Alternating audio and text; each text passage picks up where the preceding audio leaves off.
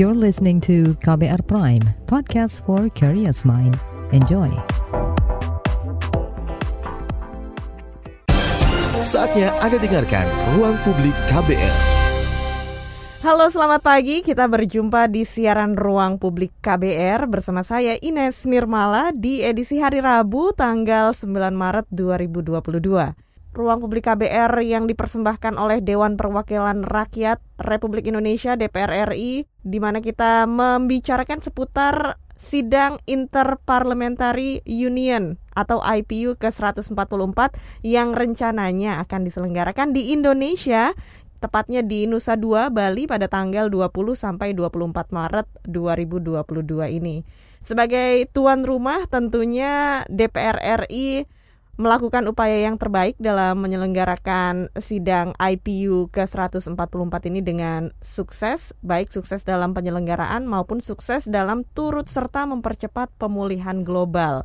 Lalu seperti apa persiapannya yang sudah dilakukan oleh DPR RI sejauh ini dan apa saja yang akan dibahas serta apa dampak bagi Indonesia dengan adanya event internasional ini. Kita akan berbincang dengan narasumber kita yaitu Bapak Gilang Dila Farares, Wakil Ketua BKSAP Badan Kerjasama Antar Parlemen DPR RI. Selamat pagi Pak Gilang, apa kabar? Selamat pagi Mbak, sehat Alhamdulillah.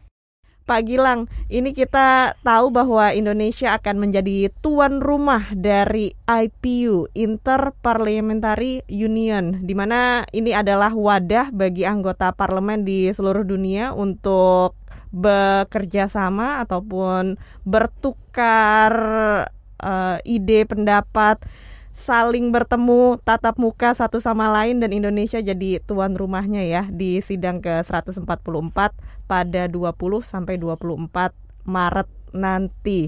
Bagaimana nih Pak persiapan dari acara yang akan kita selenggarakan ini? Baik Mbak, terima kasih Mbak Ines Nirmala ya.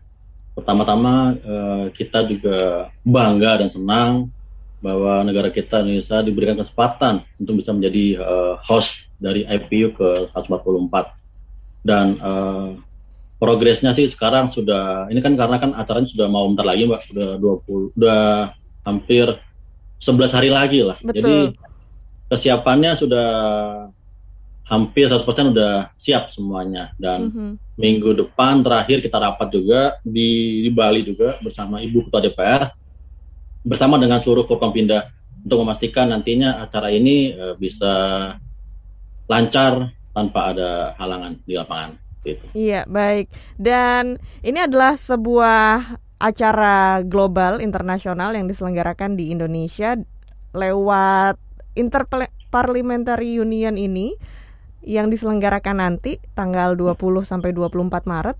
Apa hmm. yang hendak Indonesia sampaikan lewat momentum ini? Jadi uh, kebetulan nantinya karena Indonesia menjadi tuan rumah dan temanya nanti yang Indonesia bawa ialah uh, climate change, Mbak. Yeah. Jadi uh, Indonesia nanti membawa agenda sebagai perubahan iklim. Jadi mm-hmm. di sini kita sebagai negara Indonesia mempersiapkan dan kenapa kita milih kita mobilizing parlemen to act on climate change. Mm-hmm Kenapa kita milih isu ini? Jadi karena isu ini merupakan satu isu uh, yang paling ini ya apa tuh uh, dibicarakan di dunia internasional. Mm -hmm. Apalagi uh, dengan adanya kemarin uh, Paris Agreement juga dan tentang pengurangan emisi karbon di Glasgow juga. Mm -hmm. Ini juga merupakan satu momentum bagi Indonesia bisa menunjukkan kepada dunia bahwa Indonesia bisa mengambil peran sebagai salah satu negara besar Indonesia mm -hmm. di dunia. Iya iya iya. Dalam isu climate change atau perubahan iklim yang akan kita bahas melalui sidang IPU ke-144 nanti, ini apa poin-poin yang akan Indonesia sampaikan atau akan ditonjolkan oleh DPR RI? Yang yang tentu uh, yang jadi pertimbangan pada climate change pertama ialah pertama Indonesia ingin memastikan bahwa tetap menjaga kenaikan suhu uh, global di bawah 2 derajat Celcius. Uh, yang selanjutnya uh, juga meningkatkan kapasitas negara untuk bisa beradaptasi terhadap uh, efek perubahan iklim. Mm -hmm. Dan juga uh, menjaga alur pendanaan agar sesuai dengan pembangunan berkelanjutan yang mendukung penurunan emisi gas uh, rumah kaca dan yang keempat mengukuhkan kepemimpinan Indonesia dalam aksi perubahan iklim dan membangun kemitraan serta solidaritas global dan tentu juga uh, meneguhkan kepemimpinan DPR RI dalam membawa isu global yang menjadi perhatian bersama karena kita tahu climate change ini merupakan uh, bagi seluruh negara, bukan hanya yang ada di Indonesia. Iya, betul. Dan untuk mengatasi isu climate change atau perubahan iklim ini juga kita harus bersama-sama melakukannya ya, butuh ya, komitmen ya, dari berbagai negara untuk menuju uh, perbaikan dari tantangan di bidang climate change ini, perubahan iklim. Dan kembali lagi kita membahas seputar IPU. Sebenarnya Indonesia sendiri, Pak, mungkin bisa dijelaskan juga uh, sejak kapan acara IPU ini diselenggarakan, apa yang oh, melatar ah. belakangi, dan Indonesia sejak kapan sih bergabung dengan IPU? Oke, jadi gini, uh, biar tahu ya uh, sebelumnya ya, IPU itu apa sih? Jadi IPU itu Interparliamentary Union. Ini merupakan suatu organisasi internasional yang mewadahi seluruh parlemen yang ada di uh, dunia. Dan IPU merupakan satu-satunya negara, salah satu organisasi yang mewakili sisi legislatif yang berskala global.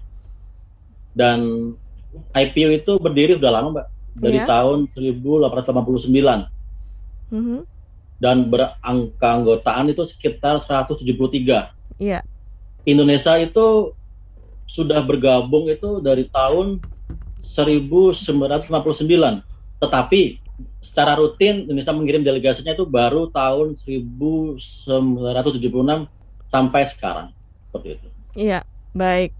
Dan kalau uh, dengan diselenggarakannya IPU ini di Indonesia kita tentu saja bangga kita dipilih untuk menjadi tuan rumah. Tapi kalau misalnya dari Pagilang sendiri pandangan Bapak, benefit yang bisa Indonesia dapatkan dengan terpilihnya menjadi tuan rumah dari Interparliamentary Union ini apa sih? Nah, uh, kalau menurut saya ya, uh, benefitnya apa sih kita raih dari kita menjadi tuan rumah dari IPU? Pertama kita lihat ini IPU itu uh, konferensi yang cukup strategis baik dengan kita maupun bagi masyarakat. Bagi contoh, ini juga bisa uh, menunjukkan atau meneguhkan Indonesia sebagai salah satu negara demokrasi terbesar di dunia dan juga tentunya untuk bisa memperkuat kualitas demokrasi yang baik baik domestik maupun global. Dan tentu juga uh, ini juga bisa meneguhkan kepemimpinan DPR RI dalam menghadirkan serta membawa isu-isu global yang yang krusial yang memang menjadi perhatian bersama.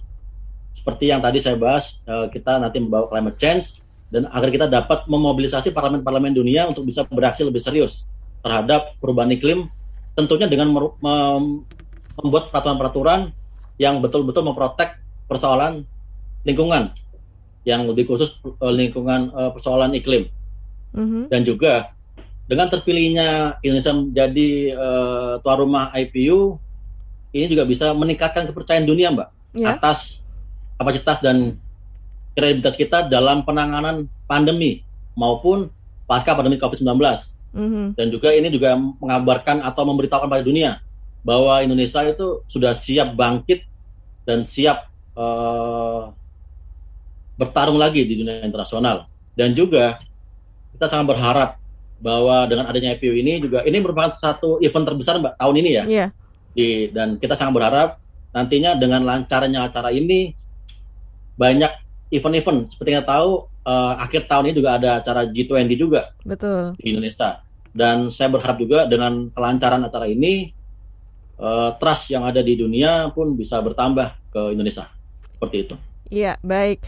Memang pandemi COVID-19 ini menjadi tantangan bagi penyelenggaraan event-event besar seperti IPU ataupun event-event lainnya. Dan di sini mengingat sampai sekarang juga COVID-19 masih terbilang cukup tinggi di Indonesia, bagaimana uh, langkah atau persiapan yang dilakukan supaya sidang Interparliamentary Union ini bisa berlangsung dengan aman walaupun pandemi? Ya emang ini emang salah satu tantangannya mbak di sini. Kita tahu bahwa uh, IPU ini diselenggarakan di saat juga adanya COVID-19 ini merupakan suatu tantangan juga bagi kita semua sebagai salah satu uh, hostnya. Tentu dari kemarin juga kita uh, Ibu Ketua DPR selalu berkoordinasi dengan seluruh uh, tim di bawah untuk bisa memastikan bahwa penanganan uh, COVID-19 ataupun prokes pun yang ada di acara nanti harus tetap diterapkan maksimal gitu loh. Karena jangan sampai kita terlena, kita ngerasa COVID itu sudah tidak ada, tapi ya harus tetap kita keraskan juga di sini. Dan tentunya seluruh rangkaian yang nanti dilaksanakan ini menggunakan prokes kesehatan, Mbak. Contohnya tiap pagi ada acara, itu ada sekitar 20 uh, eh, tempat booth-booth yang yang berfungsi sebagai antigen kepada seluruh delegasi. Seperti itu. Dan kita memastikan bahwa nantinya penyelenggaraan acara ini uh, semua yang datang pun baik pulang pun bisa selamat gitu Mbak. Jangan sampai kita malah bikin yang tidak prokes. Iya, baik.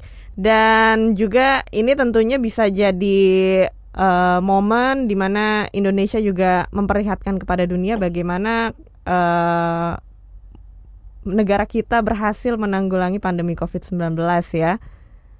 Iya. Iya, baik.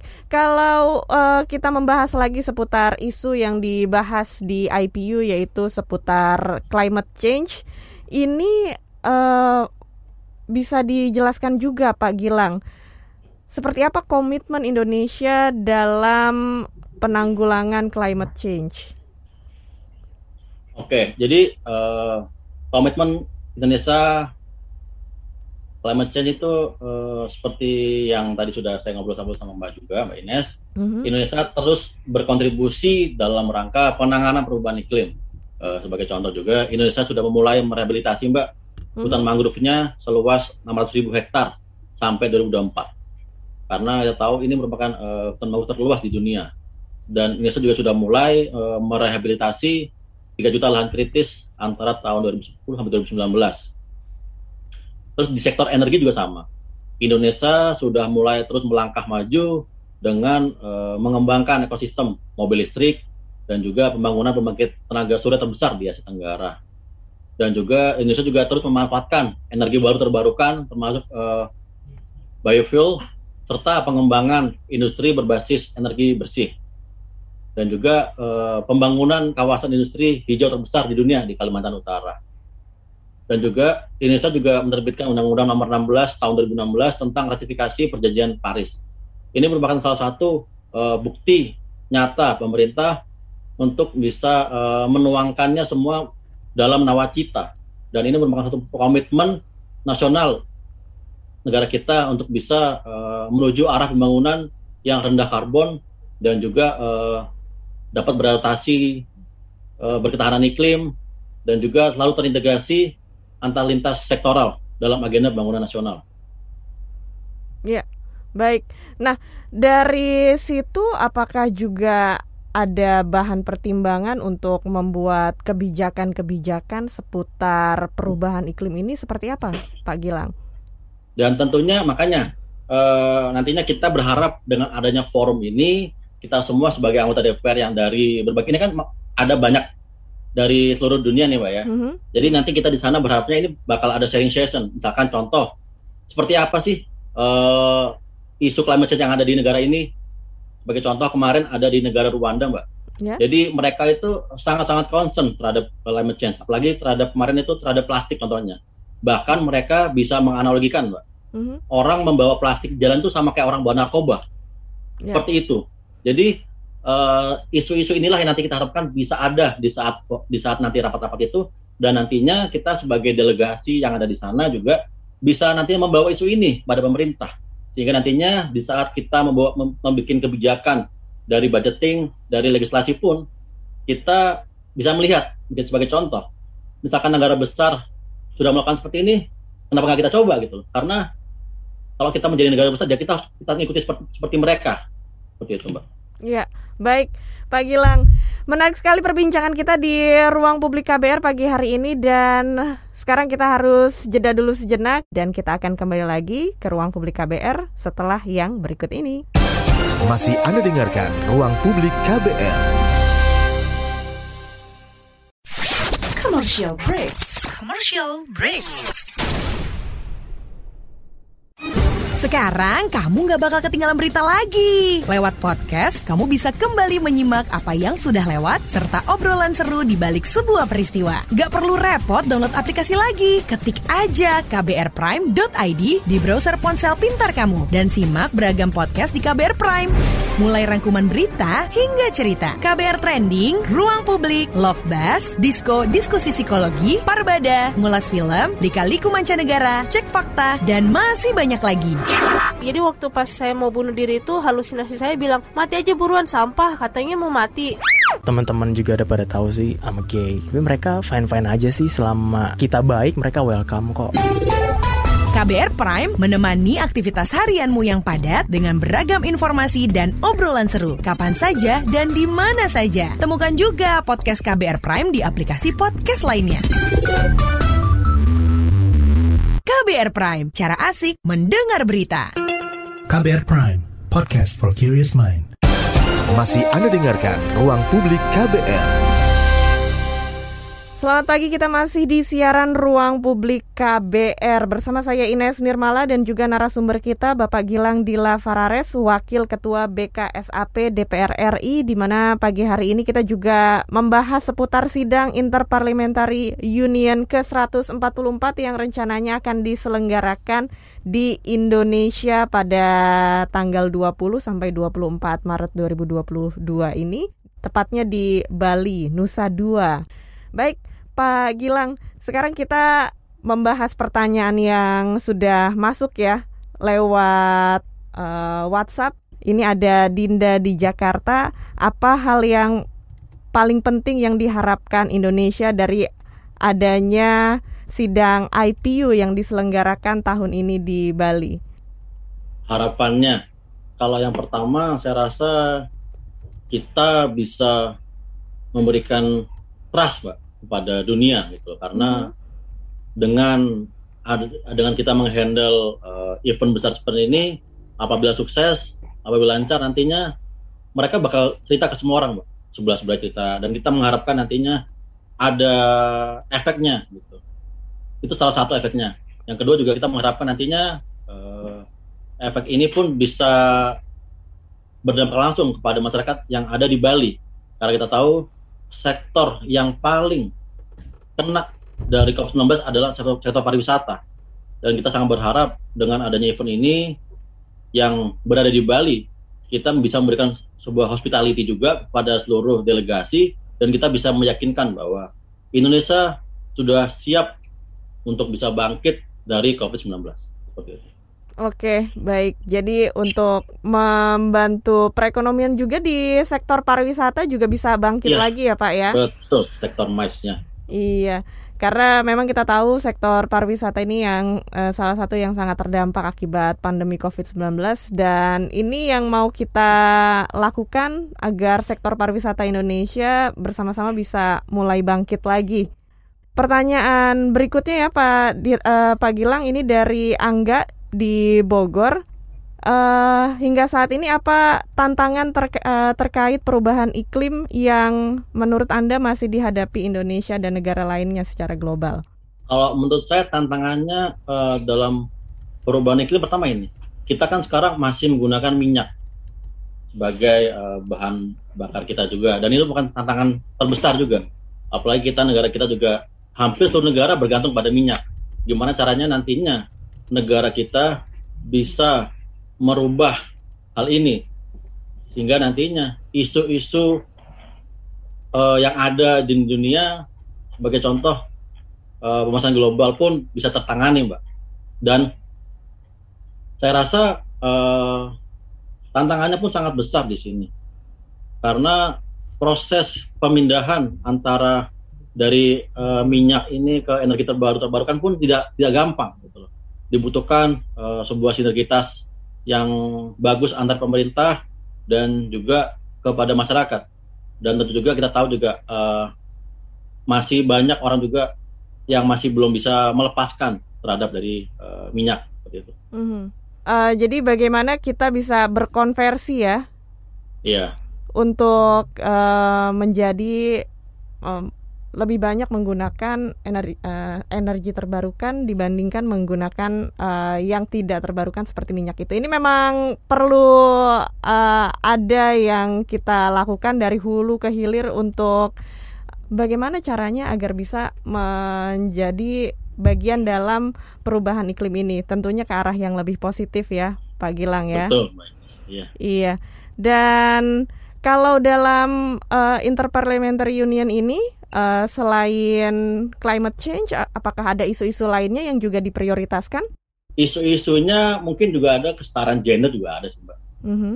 Ada juga isu kesetaraan gender sebagai contoh uh, di negara-negara maju juga hampir uh, womannya juga sudah sudah mulai banyak di parlemennya dan mm -hmm. juga di sini juga nantinya kita juga mengangkat isu-isu seperti ini agar nantinya bisa mengencourage negara-negara uh, lain atau negara kita juga bisa lebih banyak mempunyai uh, anggota DPR juga dari perempuan karena isu kesetaraan gender juga merupakan satu isu yang sering dibahas juga di dunia internasional. Mm-hmm. Itu. Iya. Jadi kalau di uh, Parlemen Indonesia sendiri uh, kita juga banyak ya perempuan yang uh, mengisi kursi di sana termasuk ya uh, ini bagaimana langkah Indonesia untuk melibatkan lebih banyak perempuan dalam mengambil kebijakan ya Pak ya. Betul. Dan apalagi uh, di momen sekarang, apalagi tanggal 9 ini uh, Hari Perempuan juga salah satu momentumnya juga. Kita juga senang juga kita mempunyai uh, ketua DPR pertama perempuan. Ya, ya, Ini juga betul. merupakan salah satu bukti bahwa Indonesia bisa mengencourage negara-negara lain uh, untuk bisa mengikuti jejak seperti itu. Ya, betul. Oke, baik. Dan ini juga hal yang baik untuk Indonesia di mana kita bisa menunjukkan uh, seperti apa uh, parlemen di Indonesia dalam um, ya. mendukung kebijakan-kebijakan uh, yang ada di Indonesia. Baik, Pak Gilang, ini pertanyaan berikutnya uh, saya bacakan juga dari pendengar kita di Solo. Ini uh, pertanyaannya simpel sih Pak dari Andi, mengapa memilih membahas climate change? Apa yang melatar belakangi dan tujuan apa yang utamanya ingin dicapai dari mengangkat isu climate change? Oke, kenapa kita uh, membahas climate change? Pertanyaannya sangat bagus juga ini kan. Emang kita tahu juga uh, isu pemanasan global itu merupakan satu isu yang paling sering dibahas di dunia internasional dan juga ini merupakan salah satu uh, tema yang dipilih juga merupakan karena adanya uh, Paris Agreement yang merupakan konvensi tentang pengurangan emisi karbon dioksida dan juga karena adanya uh, fakta iklim kemarin yang di Glasgow. Dan ini juga merupakan satu bukti juga pada dunia kenapa kita memilih isu ini untuk juga bisa memberikan sebuah eksistensi atau bisa memberikan sebuah keyakinan kepada dunia bahwa Indonesia sebagai negara demokrasi terbesar di dunia bisa mendrive isu ini ke dalam forum IPU dan juga bisa meyakinkan kepada dunia juga bahwa Indonesia bisa dengan memberikan bukti-bukti. Sebagai contoh yang tadi saya juga sudah jabarkan juga ke Mbak Ines kebijakan-kebijakan apa yang sudah Indonesia lakukan dalam proses membuat kebijakan terkait dengan uh, climate change. Seperti itu, Mbak. Ya, baik. Dan tentunya kita akan kembali lagi ke siaran Ruang Publik KBR bersama Bapak Gilang Dila Farares, Wakil Ketua BKSAP DPR RI setelah yang berikut ini. Masih Anda dengarkan Ruang Publik KBR yang dipersembahkan oleh Dewan Perwakilan Rakyat Republik Indonesia. Kita kembali lagi ke siaran Ruang Publik KBR Masih bersama saya Ines Nirmala dan juga Bapak Gilang Dila Farares Wakil Ketua BKSAP DPR RI Sudah ada uh, komentar-komentar uh, yang masuk untuk siaran pagi hari ini. Pak Gilang Ada ada Raditro Raditro Pu, uh, Raditro ini bilang saya optimis IPU 2022 ini akan berjalan sukses katanya Kemudian uh, komentar dari Hoirul Ahmad, sukses IPU ke 144 bisa mendongkrak laju perkembangan ekonomi di Indonesia. dan juga dari Satria FM. Semoga sukses sidang IPU menuju Indonesia lebih baik lagi dan bangkit dari keterpurukan. Serta ada pendengar kita juga yang sudah bergabung Pak lewat telepon. Kita beri kesempatan dulu ya untuk uh, kita angkat teleponnya. Halo, selamat pagi. Halo, selamat pagi Mbak. Iya, ini dengan Doni di Surabaya. Apa kabar Doni? Iya betul, baik Mbak kabarnya. Iya, apa yang mau disampaikan atau ditanyakan? Ini Mbak, uh, saya mau nanya, kira-kira di dalam sidang IPU ke 144 ini apakah juga akan membahas tentang perdamaian Ukraina dan Rusia, Mbak? Oh, Mungkin okay. itu bisa dibahas sebagai usaha untuk mendorong perdamaiannya, Mbak.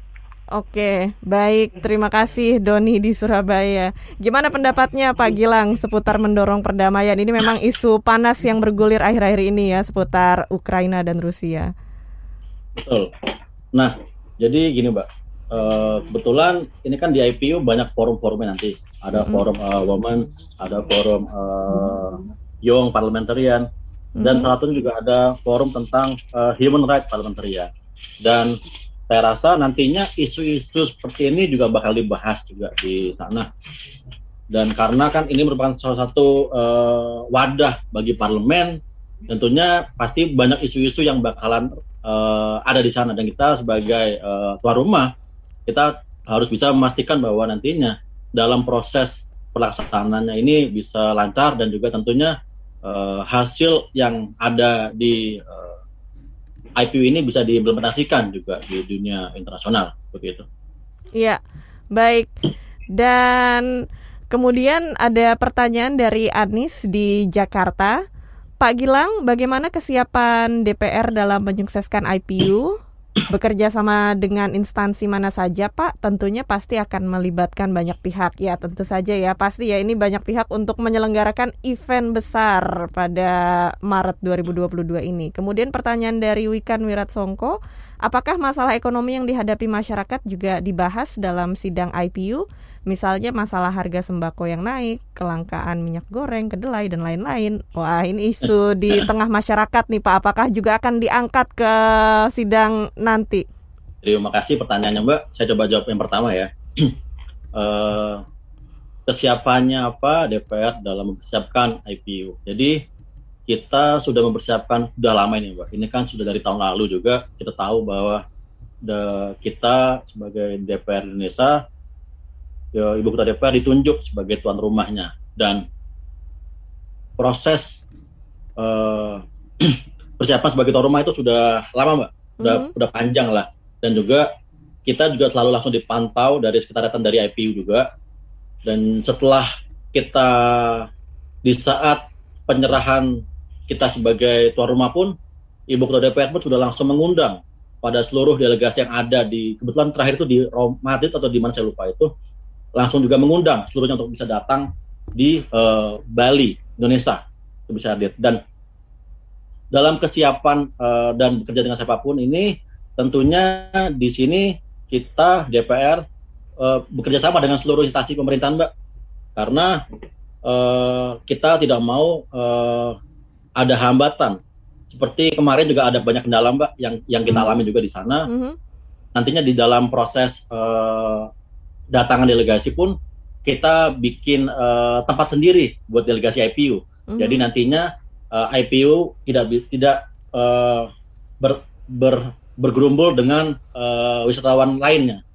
Dan juga kita juga eh, bekerjasama juga dengan eh, apa namanya itu instansi pemerintahan seperti Menkumham untuk memastikan bahwa visanya dipermudah semuanya Mhm. karena ini kan waktunya mepet mbak. Iya. Apalagi kita juga sangat eh, senang dan eh, optimis terhadap kebijakan baru pemerintah untuk eh, membuat Bali menjadi tempat yang tidak karantina. Iya, ini betul. merupakan salah satu eh, ini mbak apa namanya itu kalau saya bilang itu berita baik buat kita karena dengan adanya berita tersebut kita sebagai tuan rumah berharap bahwa nantinya delegasi yang datang bisa lebih banyak karena itu merupakan salah satu nilai tambah bagi eh, kita walaupun nantinya tiap hari kita antigen PCR pun kita berharap delegasi banyak karena ini merupakan salah satu uh,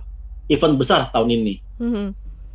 Dan kita pun juga sangat detail mbak persiapannya. Kita pastikan uh, kedatangannya berapa lama dan VIP-nya itu masuknya berapa lama dan delegasi yang lain pun berapa lama.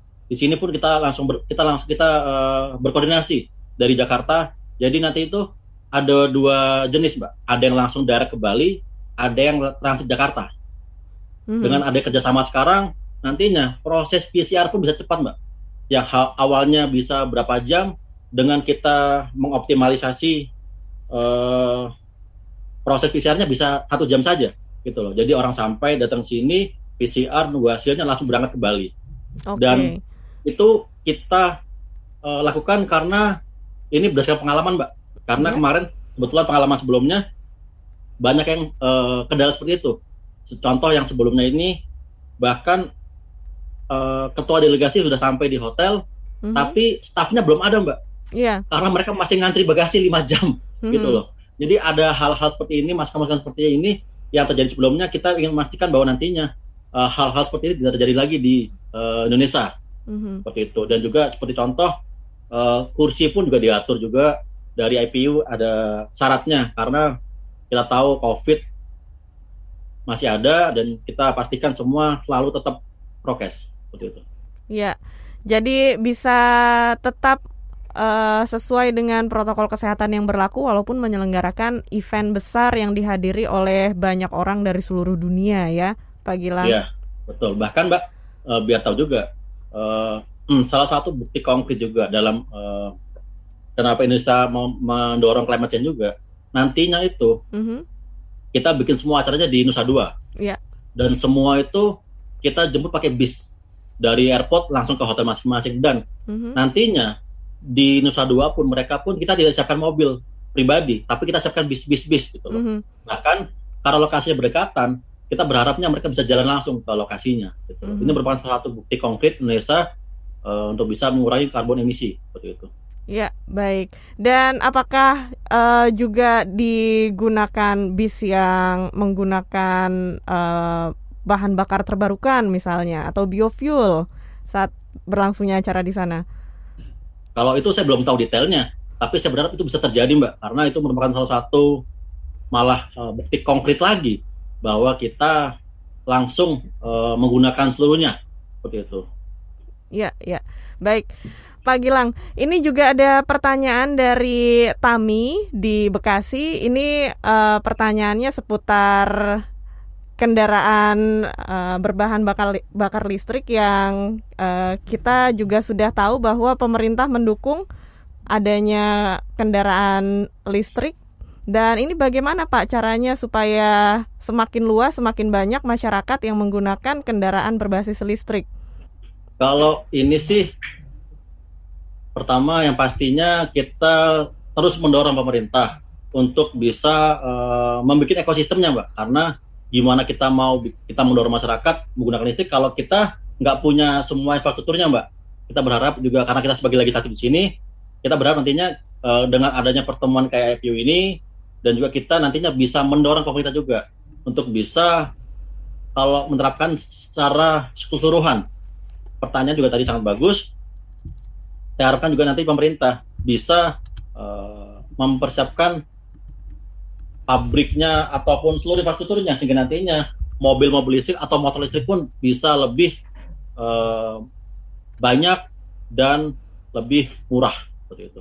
Iya, jadi bisa lebih luas ya. Ini kira-kira eh, apakah ada targetnya dari pemerintah? Kapan nih Indonesia akan mulai lebih banyak lagi berkonversi kepada energi terbarukan? Targetnya setahu saya itu tahun 2030 Mbak ya untuk Iya. pemerintah ya untuk bisa eh, mendorong apalagi kita tahu juga eh, yang nantinya Pak Jokowi mendorong IKN ibu kota negara itu juga sangat support terhadap eh, listrik mobil listrik. Saya rasa itu merupakan salah satu bukti awal karena gimana kita nggak mau ke arah sana kalau kita tidak bisa eh, sedikit mencoba gitu loh. Artinya Mhm. ini merupakan salah satu eh, ya bukti nyata pemerintah untuk bisa kita bersama-sama eh, mendorong agar perubahan dari penggunaan eh, minyak menjadi listrik seperti itu. Iya, tentunya ini untuk mendukung eh, isu perubahan iklim yang jadi concern banyak negara ya Pak ya. Betul. Iya, dan kalau tadi Pak Gilang juga sempat menyebutkan bahwa Indonesia terus eh, melakukan rehabilitasi mangrove, rehabilitasi lahan kritis. Ini yang terus akan dilakukan ke depannya lagi seperti apa Pak Gilang? penanaman pohon kalau saya bilang karena karena kita udah mulai melaksanakan itu kita juga bisa yang paling gampang sih kita bisa mulai dari sendiri mbak jadi kita bisa mulai eh, kita dekat dengan alam kita menanam pohon di rumah masing-masing dengan harapan ya karena kita tidak bisa mengandalkan sendiri dari pemerintah mbak ini butuh eh, kerjasama seluruh pihak baik yang ada di eksekutif legislatif maupun dari seluruh masyarakat dan saya juga eh, berharap juga dengan adanya event dan momen ini kita juga bisa mengedukasi kepada masyarakat bahwa pentingnya kita bisa menjaga dunia karena bumi kita cuma ada satu mbak. Iya betul. Iya dan tentunya harus kita jaga bersama ya apa yang Betul. uh, Tuhan titipkan bagi kita bersama yaitu bumi tempat kita tinggal. Tentu saja kita harus jaga bersama-sama dari kerusakan. Baik Pak Gilang untuk berbincang-bincang di siaran ruang publik ini nanti kita akan lanjutkan lagi setelah jeda ya Pak ya. Dan jangan ke mana-mana tetap di siaran ruang publik KBR.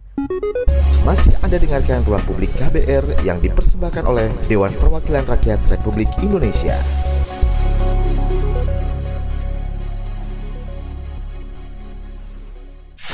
Commercial break. Commercial break.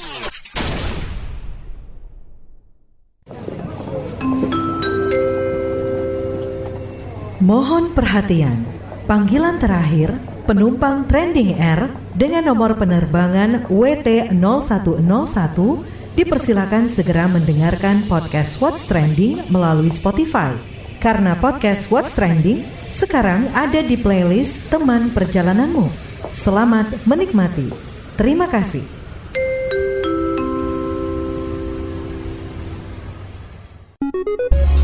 Anda dengarkan Ruang Publik KBR yang dipersembahkan oleh Dewan Perwakilan Rakyat Republik Indonesia.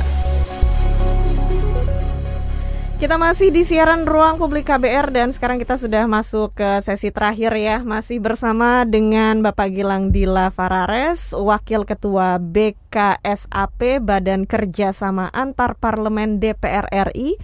Dan tentunya siaran ruang publik hari ini juga dipersembahkan oleh Dewan Perwakilan Rakyat Republik Indonesia. Pak Gilang, demi menyukseskan event yang kita akan selenggarakan bersama IPU ke-144 apa goal yang ingin dicapai Pak lewat event ini?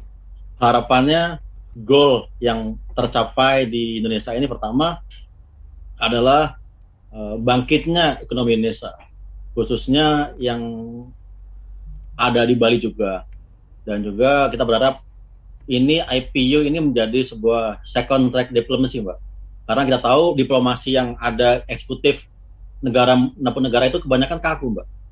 Dengan adanya IPU, ini kan kita bisa langsung eh, diplomasi antara anggota legislatif negara satu ke negara lain dengan harapan nantinya dengan second track diplomasi ini eh, bisa lebih eh, mudah karena inilah bukan salah satunya forum yang ada di internasional kita bisa uh, berdiplomasi uh, negara-negara lainnya. Iya, tentu saja berdimo, uh, dengan kekuatan diplomasi ya Pak ya, kita Betul, bisa ya. mencapai tujuan-tujuan yang bisa kita dapatkan bagi negara Mhm. kita. Kalau uh, untuk sidang ini juga nanti, mungkin masyarakat kalau ingin mendukung atau ingin mengikuti keberlangsungan acaranya, apakah uh, bisa Pak? Uh, saya belum tahu mbak ya nanti seperti apa Mm-mm. terkait dengan uh, bisa nggak masyarakat melihat juga tapi saya berharap nantinya juga kita juga bisa diberi ruang seperti itu karena mau gimana pun juga ini juga salah satu cara kita untuk bisa mengajak masyarakat untuk bisa mendukung keberlangsungan acara IPU ke 144 dan juga tentunya kita berharap juga masyarakat bisa mendukung pemerintah dalam pelaksanaan IPU ini. Seperti itu. Iya baik. Dan untuk uh, nasional nih Pak untuk negara kita juga sidang ini pastinya akan uh, jadi momentum yang uh, sangat berharga. Terlebih juga negara kita menjadi tuan rumah presidensi G20 di tahun ini dan kalau uh, Bapak melihat juga isu-isu yang dibahas gitu ya yang uh, jadi prioritas di dalam forum G20 ini nantinya uh, apa nih Pak sinergi yang bisa kita dapatkan dari kedua event global yang diselenggarakan tahun ini di Indonesia? Yang pastinya saya juga berharap dengan suksesnya nantinya acara IPU ke 144 ini di Indonesia manfaat yang kita terima sangat banyak Pak bagi tuan rumah. Pertama ya, yang tadi sudah saya jelaskan juga, kita juga bisa menunjukkan kepada dunia bahwa Indonesia sebagai negara demokrasi terbesar bisa menangani COVID-19 yang pertama. Dan juga kita juga bisa menunjukkan kepada dunia uh, kita Indonesia sebagai negara besar, negara G20 bisa bangkit ekonominya. Dan kita juga mampu dalam melaksanaan perubahan iklim. Dan juga kita juga bisa menunjukkan eksistensi kita sebagai negara besar uh, menunjukkan uh, apa namanya aktivitas kita juga di dunia internasional dan berharapan juga dengan adanya IPO ini kita juga bisa meyakinkan kepada dunia bahwa event besar nantinya yang selanjutnya ada G20 pun bisa terlaksana dengan uh, baik dan lancar. Iya, baik. Dan kalau untuk penanganan COVID-19 uh, sendiri di Indonesia tentunya kita sekarang uh, terus mempercepat untuk uh, pe pemberian vaksin Betul. secara massal bagi masyarakat dan ini apa yang akan terus dilakukan DPR RI sebagai support untuk mempercepat vaksinasi COVID-19. Betul. Saya rasa uh, kita sebagai legislatif selalu mensupport pemerintah dalam pelaksanaan uh, vaksinasi COVID-19. Dan saya rasa penanganan COVID-19 di Indonesia itu sudah sangat bagus, Pak. Karena se sebagai contoh, banyak negara-negara lain juga di luar yang ternyata, Mbak, mm -hmm. dalam proses vaksinasinya itu sangat-sangat rendah.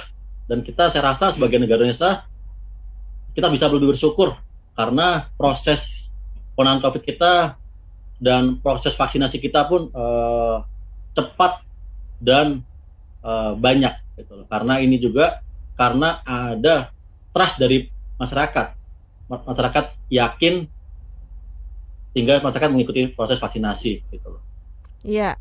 Dan tentunya uh, terus diupayakan agar vaksinasi COVID-19 ini merata ke seluruh daerah-daerah di Indonesia ya Pak ya. Betul. Itu yang terus dilakukan. Ya, karena tantangannya emang di situ. Kita lihat uh, Indonesia sebagai negara kepulauan itu merupakan tantangan juga bagi para nakes ataupun dari uh, Kementerian Kesehatan untuk bisa uh, mem memvaksinasi. Tapi kita juga senang terhadap Bapak Presiden yang sudah uh, benar-benar mendorong seluruh instansi untuk bisa melakukan uh, proses vaksinasi ya. Dan saya rasa itu sangat bagus, Mbak. Iya, baik. Dan juga uh, kita berharap supaya isu-isu yang dibahas nanti di Interparliamentary Union ini bisa benar-benar uh, mewujud jadi kebijakan yang bermanfaat untuk negara kita, untuk Indonesia, khususnya tadi seputar perubahan iklim ya Pak ya. Betul. Iya. Betul. Baik. Uh, berikut ini saya mau bacakan uh, satu pertanyaan dari YouTube nih Pak. Ini karena waktu yang terbatas langsung saja ya kita bahas pertanyaan dari Ibnu Halid. Uh, ini seputar parlemen negara lain yang hadir dalam IPU. Apakah ada yang memboikot kehadiran parlemen Rusia? Kita juga belum tahu sih Mbak uh, nantinya seperti apa. Yang pastinya sekarang seperti uh, info yang kita dapat sudah sekitar 100 negara sudah confirm untuk hadir di acara IPU dan tetap kita sebagai tuan rumah kita fasilitasi seluruhnya. Apabila ada politik kita juga belum tahu seperti apa. Yang tentu kita sebagai tuan rumah bisa uh, menjembatani juga bahwa jangan sampai walaupun ada isu ini jangan sampai bisa terjadi suatu hal-hal yang tidak kita inginkan. Ya, baik. Dan terakhir Pak Gilang, apa yang mau disampaikan kepada masyarakat mungkin terkait dengan diselenggarakannya Interparliamentary Union ataupun uh, pesan lainnya yang ingin Anda berikan kepada pendengar ruang publik KBR? Hmm, Oke, okay. jadi gini, uh, saya juga ingin juga sedikit memberi penjelasan juga Mbak di hmm. IPU kenapa sangat penting.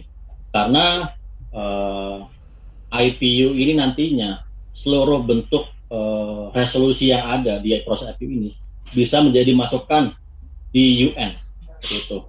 Dan juga uh, IPU itu juga termasuk penasihat tidak tepat, penasihat tidak tetap di UN. Dan juga dalam proses nantinya di IPU itu nantinya banyak terjadi proses uh, bilateral antara bangsa-bangsa.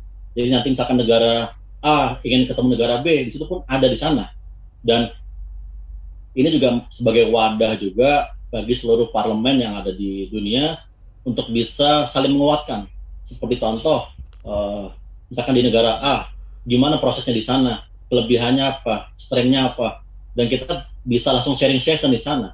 Dengan harapan nantinya, apabila ada ide-ide gagasan atau apa pun itu yang dirasa baik dan bisa diimplementasikan bagi negara masing-masing, kita bisa membawanya ke negara masing-masing, Dan kita berharap nantinya ini uh, bisa menjadi sebuah kebiasaan yang baik bagi kita khususnya di legislasi legislatif untuk bisa memanfaatkan uh, forum ini menjadi forum yang uh, baik.